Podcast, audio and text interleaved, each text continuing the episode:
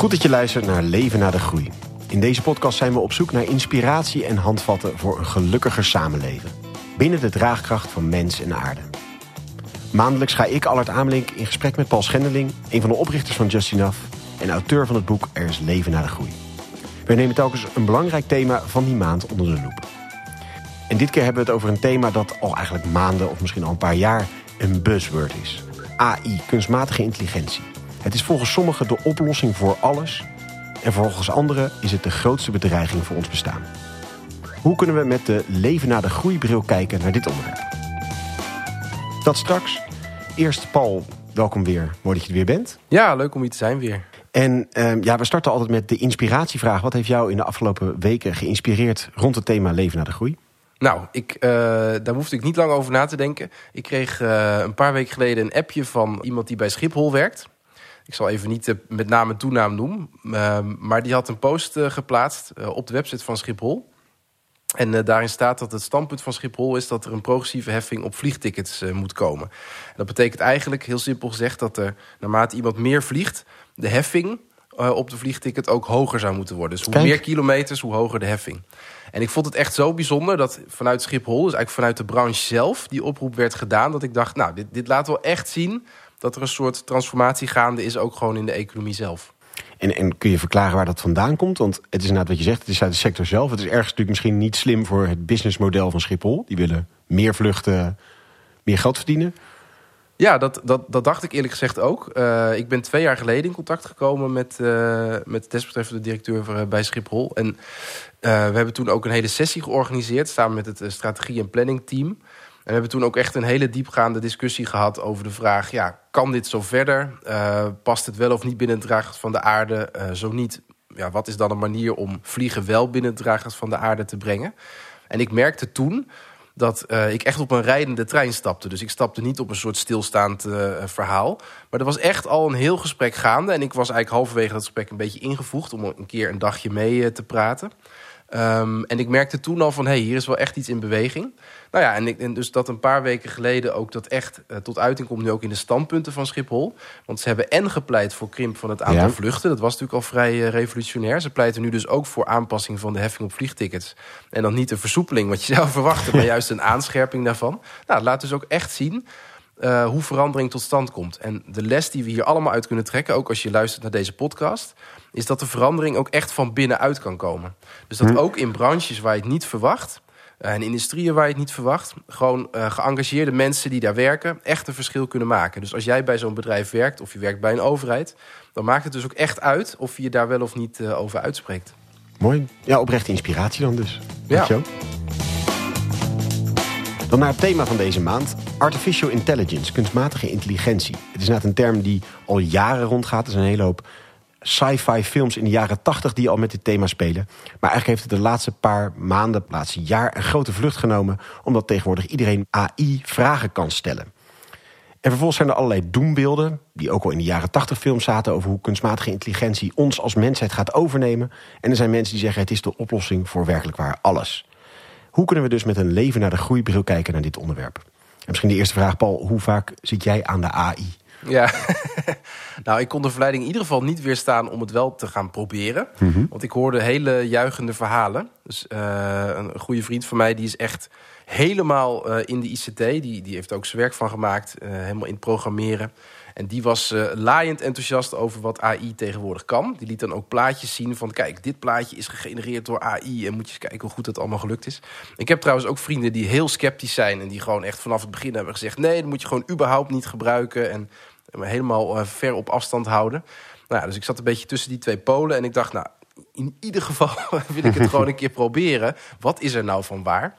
Dus ik heb inderdaad die, die Copilot van Microsoft uh, uitgeprobeerd. Die is uh, gebaseerd op uh, ChatGTP 4 uit mijn hoofd gezegd. een aantal vragen gesteld. Ik heb ook een paar keer plugins gebruikt voor verschillende programma's. Onder andere voor mijn mailprogramma. Was dan een heel juichend verhaal van volgens mij iemand van de correspondent... die liet zijn mail beantwoorden door AI. Ik dacht, nou, ik heb echt een mailberg van tot Gunter. Dan wil ik wel eens een keer die plugin proberen. Dus ik heb het inderdaad wel geprobeerd. Ja, en als jij dan kijkt naar, die, die twee beelden... van dat, dat enorme gouden bergen beeld... ofwel dat, dat soort apocalyptische doembeeld... Zit je daar ook een beetje tussenin dan? Nou, als ik inderdaad een beetje naga uh, wat voor indruk het op mij maakt. Ik ben, ik ben een enorm talenmens. Ik ben ook echt heel erg. Ik hou van taal. Ik vind lezen leuk. Ik vind schrijven leuk. Spreken. Uh, ik ben ook heel gevoelig op hoe iemand een zin maakt. Dat het een mhm. mooie zin is. Ik zie het trouwens ook terug bij mijn zoontje. Heel grappig. Dat het ook een soort blijkbaar gen uh, in ons. Dat je het mooi vindt om een mooie zin uh, ergens van te maken. En om dan toch te beginnen met hetgene waar ik het meest van onder de indruk was.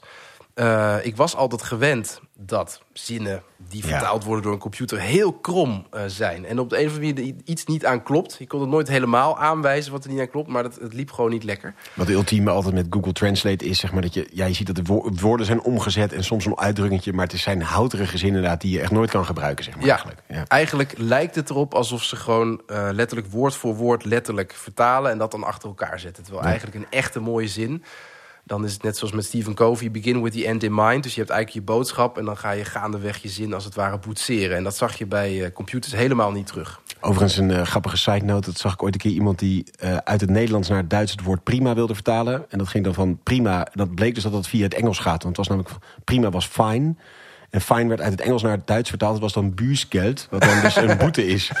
En dat was dus omdat het... Oh, ja. spotting was prima, was, was buusgeld geworden. Nou goed, dat, ja. En, uh, ja, dat, ze daar inmiddels iets intelligenter in zijn geworden. Maar ja. goed, dat, uh... dat is zo'n typisch voorbeeld inderdaad. Van, uh, voor een computer heel logisch. En een mens zou het, zou het inderdaad echt niet zo aanpakken. Maar dan, en dan toch om te beginnen waar ik van onder de indruk was. De zinnen die tegenwoordig geproduceerd worden door die taalmodellen, die generatieve AI, die zijn echt heel goed. En ik denk eerlijk gezegd, je hebt natuurlijk die Turing-test van hm. heel vroeger van die Alan Turing. Dat je, zeg maar, als je zinnen leest, dat je zou moeten kunnen kijken of het van een mens is of niet. Ik denk dat je het even los zou koppelen van emotie, wat natuurlijk een onderdeel is van die Turing-test. Maar stel dat je dat weg zou laten, je zou gewoon puur kijken naar de grammaticale kwaliteit van die zinnen. Of dat die zinnen gewoon lekker lopen en goed lezen dat het echt wel heel behoorlijk in de buurt komt van gewoon echt goed lopende zinnen. Ja. En wat ik ook knap vond, is dat dat zelfs in het Nederlands uh, gewoon echt prima kwaliteit is tegenwoordig. Ja. Terwijl eigenlijk Nederlands natuurlijk niet een heel groot taalgebied is. Uh, ja, ik denk uh, eh, 25 miljoen mensen wereldwijd, zoiets. En dat ze dan toch vrij goede zinnen produceren, dat vond ik best wel knap. Um, nou, wat dan tegenviel, om daar ook even meteen eerlijk en blunt uh, over te zijn. De, ja, de originaliteit van de antwoorden op vragen is echt heel erg middelmatig. Hm. Um, niet slecht. Uh, wat me wel weer opviel, dat vond ik trouwens wel weer een pluspunt. Er worden tegenwoordig ook voetnoten bij ja. gezet. Waarop uh, iemand in mijn omgeving meteen de grap maakte van ja, maar die voetnoten worden soms ook gehallucineerd. dat schijnt trouwens echt zo te zijn. Maar in ieder geval, AI doet heel erg zijn best om uh, als ze een antwoord geven op een vraag, daar ook enig bronmateriaal bij te vermelden. Dus dat vond ik ook wel weer een sterk uh, punt. Maar om echt, uh, als ik gewoon op mijn eigen vakgebied vragen stel en ik kijk naar de antwoorden, dan krijg je eigenlijk een beetje het antwoord van wat een gemiddeld persoon of een gemiddelde hmm. internetgebruiker als antwoord zou geven. Uh, of ja, gemiddeld is misschien nog iets te negatief uitgedrukt. Je ziet wel in die voetnoten dat op zich uh, websites worden uh, geciteerd die vaak bezocht worden. Dus er zit wel enige correlatie met betrouwbaarheid, omdat nou, veel bezochte websites op zich vaak ook wel enig niveau hebben. Maar gewoon op mijn vakgebied, gewoon, ik heb een paar vragen over economie gesteld, over de energietransitie. En dan krijg je gewoon hele gemiddelde, eigenlijk standaard antwoorden. Ja, dat een beetje als schets van de technologie en wat het kan. We willen eigenlijk een beetje met drie blikken kijken naar dit onderwerp. De economie, het sociale component en de ecologische component. En om maar te starten met die economische component. Want daar is natuurlijk ook een beetje een soort ofwel droombeeld of het doembeeld van... we worden irrelevant, we worden overbodig, want AI gaat alles overnemen. Het gaat banen kosten, uh, het gaat ons in die zin uh, in de wielen rijden... of juist een soort vrij leven ge uh, geven. Hoe kijk jij vanuit die economische lens naar artificial intelligence? Nou, dan neem ik denk ik toch ook echt die middenpositie in, die realistische positie. En die werd wel heel erg bevestigd gewoon door dat veldonderzoek wat ik deed... door gewoon dat, dat ding vragen te stellen. Um, we moeten niet vergeten dat gewoon alle AI gebaseerd is op uh, lineaire algebra. Dat is gewoon een vorm van wiskunde die uh, gewoon statistische berekeningen maakt op basis van een hele grote hoeveelheid data. Wat de meest waarschijnlijke uh, respons is op een bepaalde vraag. Ja. Dat betekent dus dat gewoon AI heel erg afhankelijk is van de input. Um, en ik weet nog zelf, ik heb natuurlijk heel lang als adviseur ook gewerkt in de publieke sector, ook vaak met kwantitatieve analyses. En uh, daar was altijd het gezegde garbage in, garbage out. Ja. Dus ja, als je er onzin in stopt of de, de inputdata is gewoon net niet helemaal top of is vrij middelmatig, Ja, dan kun je er nog zo'n goed model op loslaten. dat echt een perfect statistisch kloppende voorspelling van maakt. of de allermeest waarschijnlijke respons uitgenereert. Maar ja, als je dat baseert op iets middelmatigs, dan krijg je er nog steeds iets middelmatigs uh, uit. Um, dus in dat opzicht uh, is gewoon ook het doembeeld: uh, ja, alle mensen worden vervangen. Ja, ik denk alleen al op grond van die constatering is dat onwaarschijnlijk. Maar wat, wat voor type vaardigheden zijn het dan, denk je, dus die niet te imiteren zijn? Is, gaat het na, dus dan moet die input beter worden? Of zijn er gewoon bepaalde dingen waar uiteindelijk mensen voor nodig zijn? Nou, ik sluit niet uit dat, uh, en, en die ontwikkeling zit er zeker wel in. En dat is natuurlijk ook waar het woordje generatief uit voortkomt. Dat AI steeds beter in staat zal zijn om originele combinaties te maken van de input die er al is. Dat zie je bijvoorbeeld met name op het vlak van beeld. Uh, dat er best hele creatieve beelden gecombineerd kunnen worden. Of als je bijvoorbeeld de vraag stelt: maak een plaatje van een fantasiewezen met uh, uh, drie horens en zo'n soort neus. Dat je dan best een heel origineel plaatje eruit kunt krijgen. Dus daar verwacht ik ook wel dat AI nog zal voortschrijden. Gewoon goede combinaties van bestaande ideeën vinden. Um, nou, tegelijkertijd, als je gewoon even weer helemaal down to earth uh, gaat... en je gaat gewoon te raden bij arbeidseconomen en naar technologen... Ik, ik, ik, baseer me eerlijk gezegd met name op wat ze vanuit MIT daarover zeggen... Mm -hmm. Daar zitten um, economen die heel nauw technologie in de gaten houden. De Universiteit uit Amerika.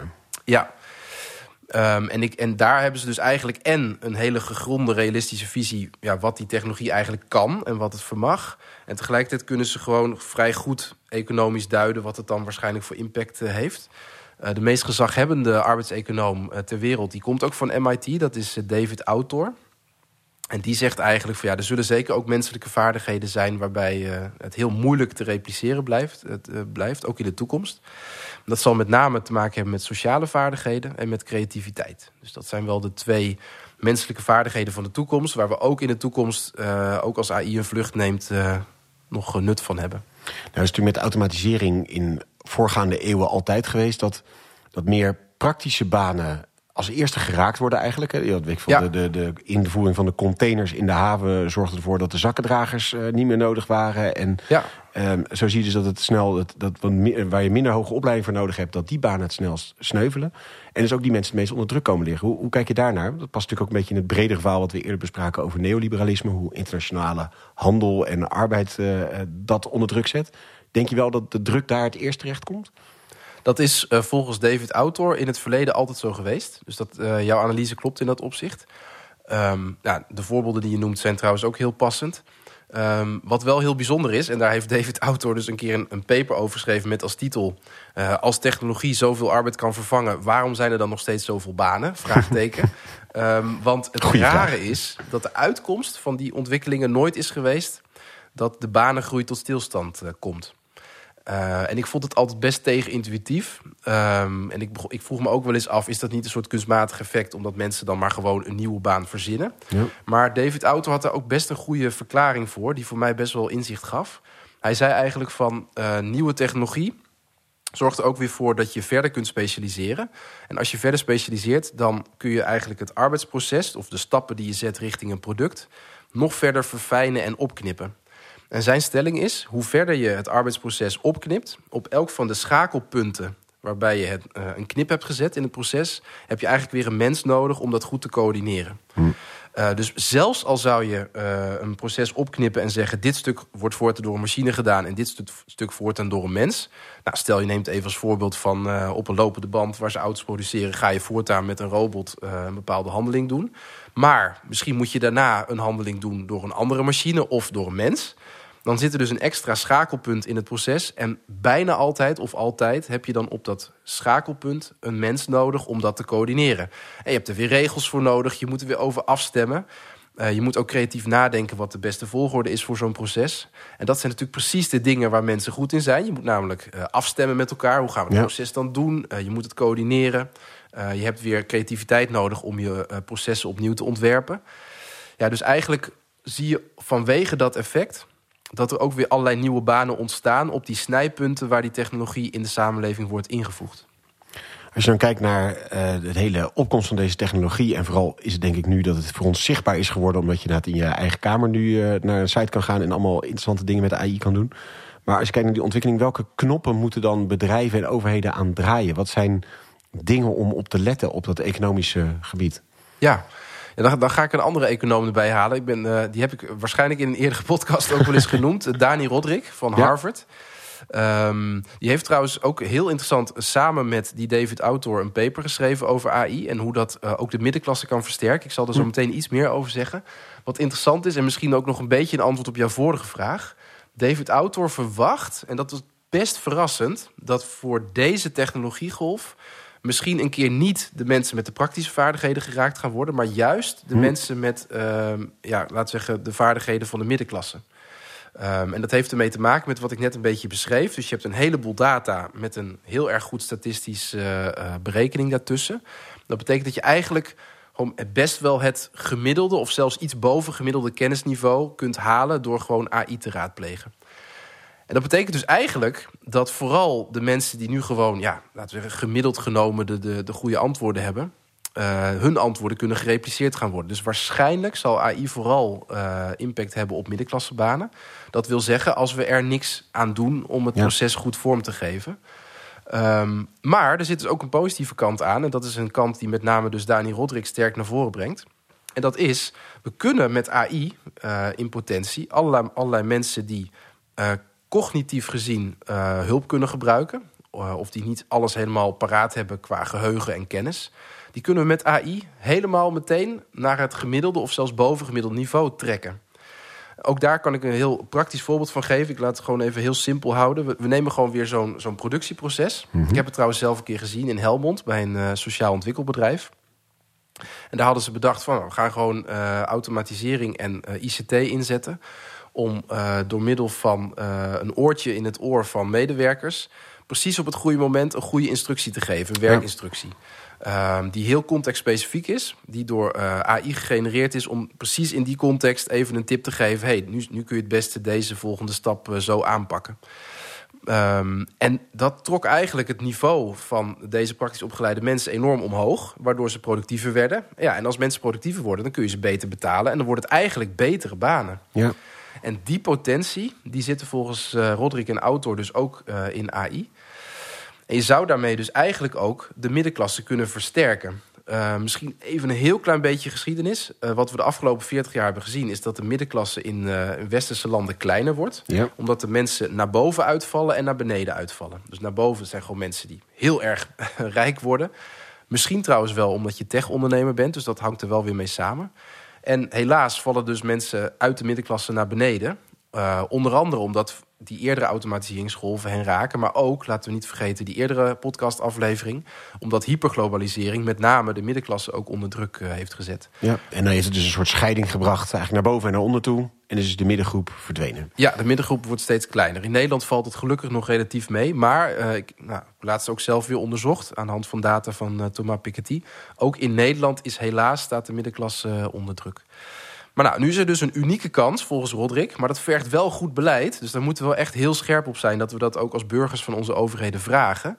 Dat als je MKB-ondernemers helpt om hun medewerkers met goede AI-tips uh, productiever te maken, dan kun je in principe uh, de mensen die naar beneden uit de middenklasse zijn gevallen weer terugbrengen in die middenklasse. Ja. Uh, maar goed, dat vergt dan dus wel dat die technologie goed wordt toegepast. Um, en ja, waarschijnlijk heel veel MKB-ondernemers zullen niet zelf ook de tools in huis hebben om het goed toe te passen. Dus je zult daar wel bij moeten helpen. En daarom pleit uh, Roderick voor een nieuwe vorm van industriepolitiek. Nou, industriepolitiek hm. kennen we uit het verleden. Dat je gewoon je eigen bedrijven helpt om uh, productiever te worden en nieuwe technologieën ja, als land. Als land, ja. Dus de Fransen zijn natuurlijk ook groot mee geworden. Eerlijk gezegd, China zou zonder industriepolitiek ook nooit zijn uh, geworden wat het nu is. Um, door het neoliberalisme hebben we dat in het Westen grotendeels afgezworen. Uh, en Roderick pleit er al 30 jaar onvermoeibaar voor dat het heel dom is geweest om daar zo ver in mee te gaan. Omdat gewoon simpelweg er enorme baten zijn als je kennis beter verspreidt in de samenleving. Dus ook bij bedrijven. En, ja. uh, en met name voor MKB'ers gaat dat betoog op. Omdat zij best ehm, ja, gewoon de kansen hebben. Ook in Nederland is het MKB eigenlijk ook gewoon de banenmotor van Nederland. Meer dan 70% van de banen. Maar ja, het is voor hen best lastig. Zij moeten aan zoveel dingen voldoen. Ze moeten en vergroenen, en digitaliseren, en de vergrijzing opvangen. Ja, alles tegelijk. Dus zij kunnen daar best wat steun van de overheid bij uh, gebruiken. Als je dan kijkt eigenlijk naar het tweede blokje van sociaal, zeiden we, dit is eigenlijk meer het, het economische deel. Als je meer kijkt, intermenselijk en sociaal. Ehm, we hebben natuurlijk al de, de, de algoritmes van onze social media die onze aandacht proberen vast te pakken. Verwacht je dat, dat dat ook nog een extra verdere boost gaat krijgen met deze groei van AI? Ja, dat verwachten experts wel.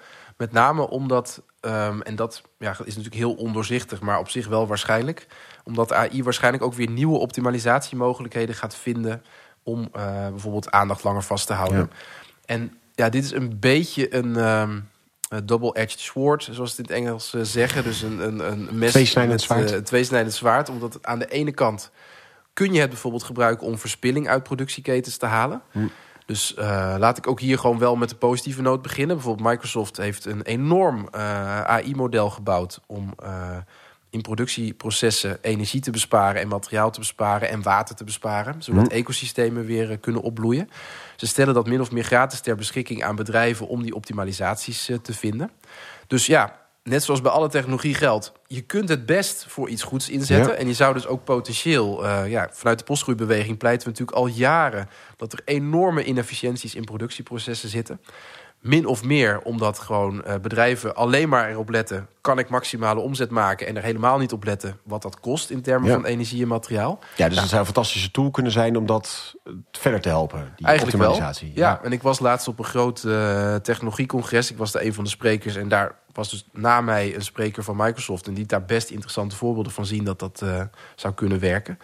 Maar ja, zoals ik al zei, ja, je, je kunt precies dezelfde tool... en dat geldt voor alle technologieën ook in gebruiken... om iets te doen wat eigenlijk helemaal niet maatschappelijk wenselijk is. Namelijk optimalisaties vinden om inderdaad de aandacht van mensen... nog beter uh, te pakken en vast te houden. En ja, zeer waarschijnlijk als we dat niet reguleren, gaat dat ook gebeuren. Ja, en uh, luister vooral ook even onze vorige aflevering over reclame en marketing. Wat natuurlijk een heel deel van onze social media zijn tools om onze aandacht vast te houden. Om ons maar zoveel mogelijk reclames te laten zien.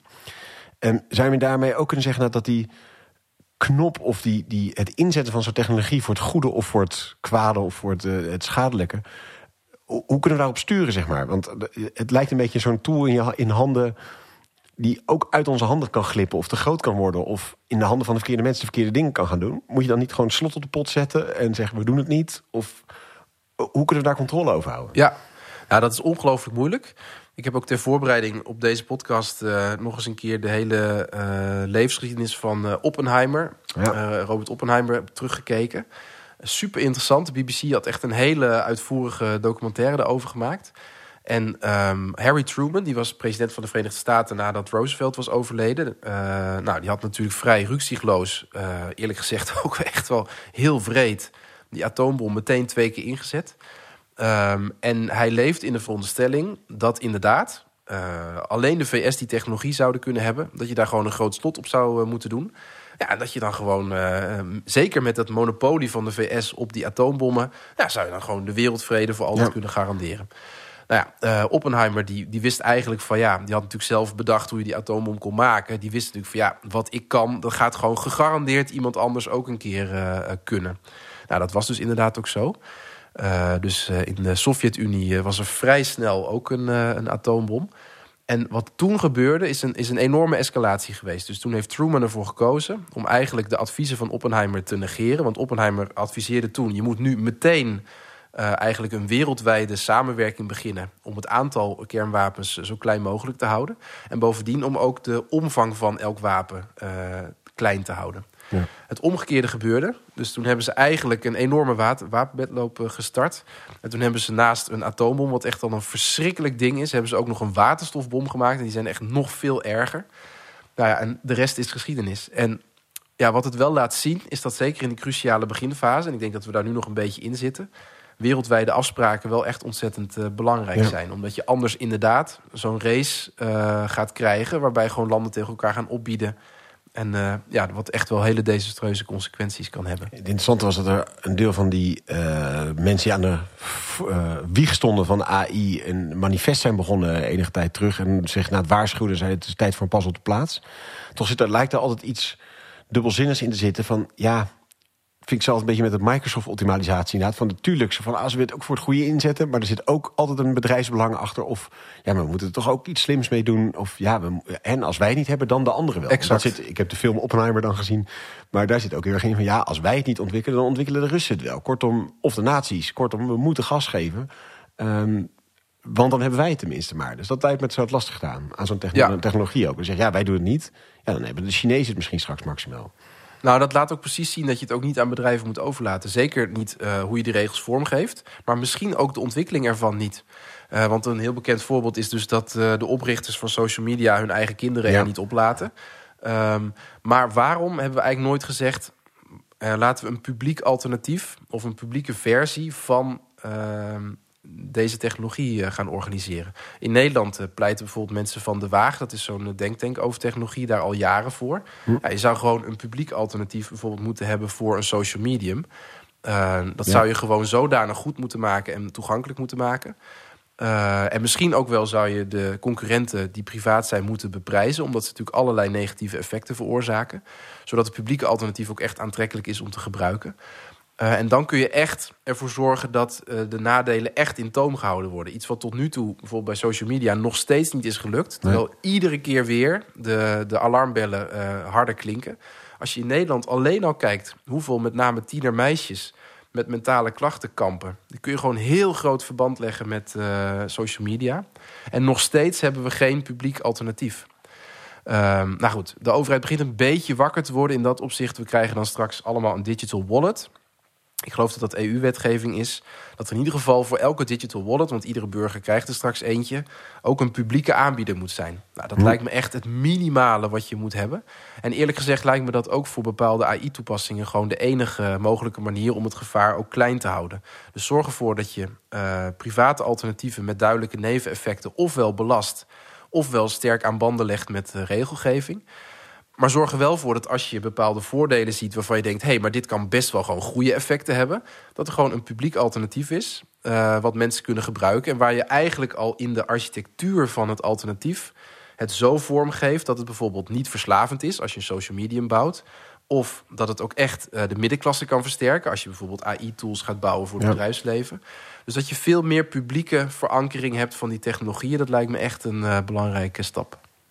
Mooi. Dan tot slot die derde lens, de ecologische lens. Ik las een keer ergens van een één search eh, actie doen op chat GPT is hetzelfde als weet ik wel drie jaar je gloeilamp laten branden of zoiets. Wow. Allerlei zulke soort vergelijkingen. Ja. Ehm, wa- wat is de impact in die zin van eh, AI? En ik denk eerder ook nog even aan bitcoins. Geldt voor mij zo'nzelfde ding voor dat het ongelooflijk veel eh, stroom slurpt. Hoe, hoe kijk je met de ecologische bril naar dit thema? Ja, ja dat, is, dat is inderdaad ongelooflijk. Ik, trouwens, dat getal, eh, dat wist ik dan weer niet. Dit maar, is een eh, complete gok trouwens, maar het was ja. zo'n soort vergelijking. Het is waarschijnlijk echt veel meer dan je denkt. Eh, sowieso li- lijkt het erop dat mensen heel erg onderschatten... wat ja, de ecologische impact van digitale diensten is. Ehm, eh, bij Just Enough hebben we daar ook wel eens over gepost. Ehm, nou, om, even rechtstreeks te antwoorden over die ecologie. We hebben natuurlijk in de postgroeibeweging heel vaak aandacht gevraagd voor de Jeffers-paradox. Dat betekent Ja. eigenlijk dat je milieuwinst ongedaan maakt... doordat er meer geconsumeerd eh, wordt. Nou, ik denk dat AI eh, het volgende voorbeeld gaat worden van de Jeffers-paradox. We besparen heel veel energie. Nou, bijvoorbeeld eh, inderdaad in ons eigen huishouden de verwarming een beetje lager, andere lampen erin schroeven. Misschien een iets zuiniger auto nemen. Maar als we dan inderdaad het geld wat je daarmee bespaart, want ja, alle energiebesparing is ook een geldbesparing. Als je dat inzet voor digitale diensten, dan kun je daarmee weer een enorm deel van die milieuwinst ongedaan maken. Nou, dit laat eigenlijk ook weer zien dat hoe je er ook naar kijkt, je nooit naïef moet zijn dat een Nee. technologie altijd een oplossing eh, biedt. Eh, zowel in de toepassing is het altijd een tweesnijdend zwaard, maar ook als je kijkt naar de milieu-impact, is het ook altijd een tweesnijdend eh, zwaard. Dus dat eh, bevestigt eigenlijk ook wel weer gewoon de ja, hele simpele intuïtie van als we dit niet goed reguleren, dan heeft het waarschijnlijk ook eh, heel veel nadelen. Ehm, en om nog een aspect te noemen van eh, de ecologische impact. We hebben, we zijn een enorme race in de wereld aan het maken om de hoeveelheid hernieuwbare energie te verdrievoudigen. Dat hebben we natuurlijk ook een eerdere podcastaflevering Over de over Dubai gemaakt. Ja. Dat moet zelfs al voor 2030. Maar nou is dus het hele punt, als we niet eh, de energiecapaciteit verdriedubbelen en tegelijkertijd heel veel energie besparen, dan levert het voor het klimaat nog steeds onvoldoende op. Hm. En ik merk dat dat nog echt nieuw is voor heel veel mensen, ook voor beleidsmakers. Die realiseren zich dat eigenlijk niet. Dus wordt heel sterk gestuurd op maximaal de capaciteit uitbreiden. Ook in Nederland, alle krantenkoppen zijn altijd van... ja, we moeten de netcongestie oplossen... en we moeten gewoon heel veel capaciteiten bijschakelen. De hele Noordzee volzetten enzovoort. ik natuurlijk, ja, nodig, nuttig en supergoed. En dat moeten we zeker gaan doen. Maar, maar ook, vergeet die andere kant niet. Ja, die andere kant. En en dat is natuurlijk precies uh, waar misschien een heel groot energielek gaat zitten. Stel nou dat inderdaad we enorm veel extra energie voor AI nodig hebben. Er is een, een, een schatting geweest dat we nu ongeveer 4% van het mondiale elektriciteitsverbruik voor digitale diensten gebruiken. Dat dat in 2030 11% gaat zijn. Hm. Nou, dat is dus alweer een uh, verdrievoudiging bijna. Ja, dat kan dus weer precies zo'n factor zijn die eigenlijk een rem vormt op die energiebesparing. En die hebben we echt nodig. Dus ook hier zie je weer echt het postgroeibetoog. Dat je ook moet kijken naar de vraagkant van de economie. En ook echt moet zorgen dat je bespaart. Echt super nodig. En dat moeten we ook echt van de daken schreeuwen. Want als we dit vergeten, ja, dan zullen we over, het, uh, nou laten we zeggen, ehm, dat wordt dan zes jaar, constateren. hey, wauw, die verdriedubbeling is gelukt. Fantastisch. Hè? Maar uh, de impact op de uitstoot is gewoon veel te klein geweest. En dat is super zonde en dat moeten we echt voorkomen. Ja, ook daar dus weer die Jeffers paradox. Hij blijft daar terugkeren. Maar dat al die extra energie gaan we lekker weer stoppen in nieuwe dingen. En ja, we moeten echt die, die twee paden bewandelen. Ja.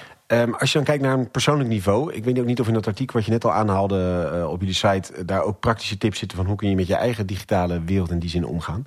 Wat zouden jouw persoonlijke tips zijn ten aanzien van AI-gebruik? Nou, ik, waar ik aan zat te denken is een van de grotere problemen. En ik begin daar steeds meer van overtuigd te raken. Is dat er zo weinig uh, nog echt gemeenschap is. En zo weinig echt persoonlijk contact. Uh, social media hebben dat natuurlijk heel sterk verergerd. Uh, tot het punt dat tieners niet meer durven te bellen. En gewoon enorme mentale problemen ontwikkelen.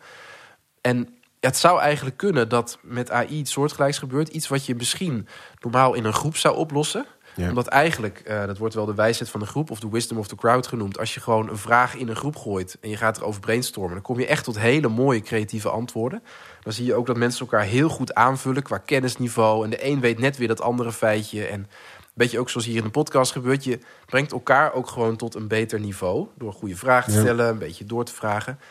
Um, het zou kunnen dat AI ons ook weer in dit opzicht lui gaat maken. Ja. Dat al die dingen waar je eigenlijk met een creatief groepsproces tot antwoorden zou kunnen komen, een hele luie AI-vraag van gaat maken. Ja. En behalve dat ik denk dat dat ook uh, ons minder creatief gaat maken, omdat we gewoon ja, die luiheid op een gegeven moment ook gewoon niet voldoende mentale uitdaging oplevert om, uh, om het zelf te bedenken, zal het ons misschien ook in sociaal opzicht lui maken, of misschien zelfs ook weer die tendens versterken dat we dingen niet in groepen oplossen. Ja. Uh, en ik zat er zelf echt aan te denken toen ik aan het experimenteren was. Heel veel van die vraagjes ja, die zou ik anders misschien gewoon echt aan een collega of aan een vriend hebben gevraagd. Uh, en die zou het antwoord ook hebben geweten. Maar dat doe je dan niet, omdat je nee. eigenlijk toch een soort alwetende uh, nou ja, verteller in je broekzak hebt. Ja. En ik denk dat dat eigenlijk voor mij persoonlijk, ja, en ik kan de luisteraar alleen maar vertellen hoe ik er zelf in sta. En de luisteraar moet dan zelf afwegen wat je ervan vindt. Maar persoonlijk heb ik toen besloten van, ja, ik ga dat dus niet doen. Uh, ja. Ik ga toch proberen om gewoon mijn antwoorden op vragen uit boeken te halen. Door het aan mensen te vragen, door brainstorms te organiseren. En omdat AI toch alleen maar het gemiddelde niveau haalt, hoef je ook niet super bang te zijn dat je, als je gewoon uh, het aan mensen vraagt, dat je dan een heel veel slechte antwoord gaat krijgen. Ik denk het eerlijk gezegd niet. Nee. En ik denk eerlijk gezegd dat als je het aan de goede mensen vraagt, Beter dat je misschien zelfs een beter antwoord Ja. krijgt. Dus misschien moeten we gewoon voor persoonlijk gebruik een beetje terughoudend zijn uh, met het gebruik ervan. Uh, tegelijkertijd uh, de kant van die MKB'ers. En dat we gewoon mensen met praktische vaardigheden... gewoon precies net even die tools kunnen geven om productiever te worden. Ja, dat vind ik wel echt Ja. een kans. En die optimalisatie van die processen vind ik ook heel interessant. Dat is natuurlijk niet, ja. niet persoonlijk, maar wel Ja. dat als je dan kijkt van hoe kun je dat processen optimaliseren. In ieder geval ook met, met eh, landbouw en zo kan dat ook allemaal. Dat je denkt van goh, hoe kunnen we die bewatering net wat beter krijgen. Zo, ja, als je daar zulke ja, dingen precies. goed over na kan En denken. daar zitten wel weer echt hele grote kansen. Ja. Dus, dan kom ik toch weer op zo'n middenweg uit. Ja, het kan bijna niet anders. Ja, dus voor het MKB, maar zeker ook voor procesoptimalisatie... gebruik het dan vooral wel. Uh, ja, want dan kun je er gewoon superveel uithalen... zonder dat het echt sociale schade toebrengt. Dankjewel. Over Wisdom of the Crowd gesproken. We hebben nu een paar keer twee snijdend zwaard gebruikt. Ik heb dat geïntroduceerd in Uh, opvolging van een Engelse term die je gebruikt. Ik vraag me af of we nu twee het zwaard op een goede manier gebruiken. Dus nou dat zou uh, kunnen, ja. Ik twijfel aan, laat het ons weten als het nou niet helemaal uh, goed gegaan is. Ja, willen mensen daarop antwoorden? We gaan het niet aan aan u vragen. Maar willen, willen jullie alsjeblieft een suggestie doen of we dat nou goed doen? Hey, dankjewel Paul. Heel graag weer tot volgende maand. En jij natuurlijk bedankt voor het luisteren. Deel deze podcast vooral ook met wie het nog meer moet horen. Volgende maand gaan we het in onze special hebben over wonen. Een thema dat aangedragen is door een van onze luisteraars... en wat natuurlijk ook een van de grote thema's van deze tijd is. Vaak is het antwoord op al het woningtekort bouwen, bouwen, bouwen. Maar is dat nou inderdaad de goede route die we moeten kiezen? Wordt het volgende maand in onze special. Abonneer dus vooral om op de hoogte te blijven. En wil jij nou een vraag voorleggen aan Paul of aan een van ons anderen... stuur je vraag dan in door middel van een mailtje aan post.justenough.nl. Heel graag tot de volgende keer.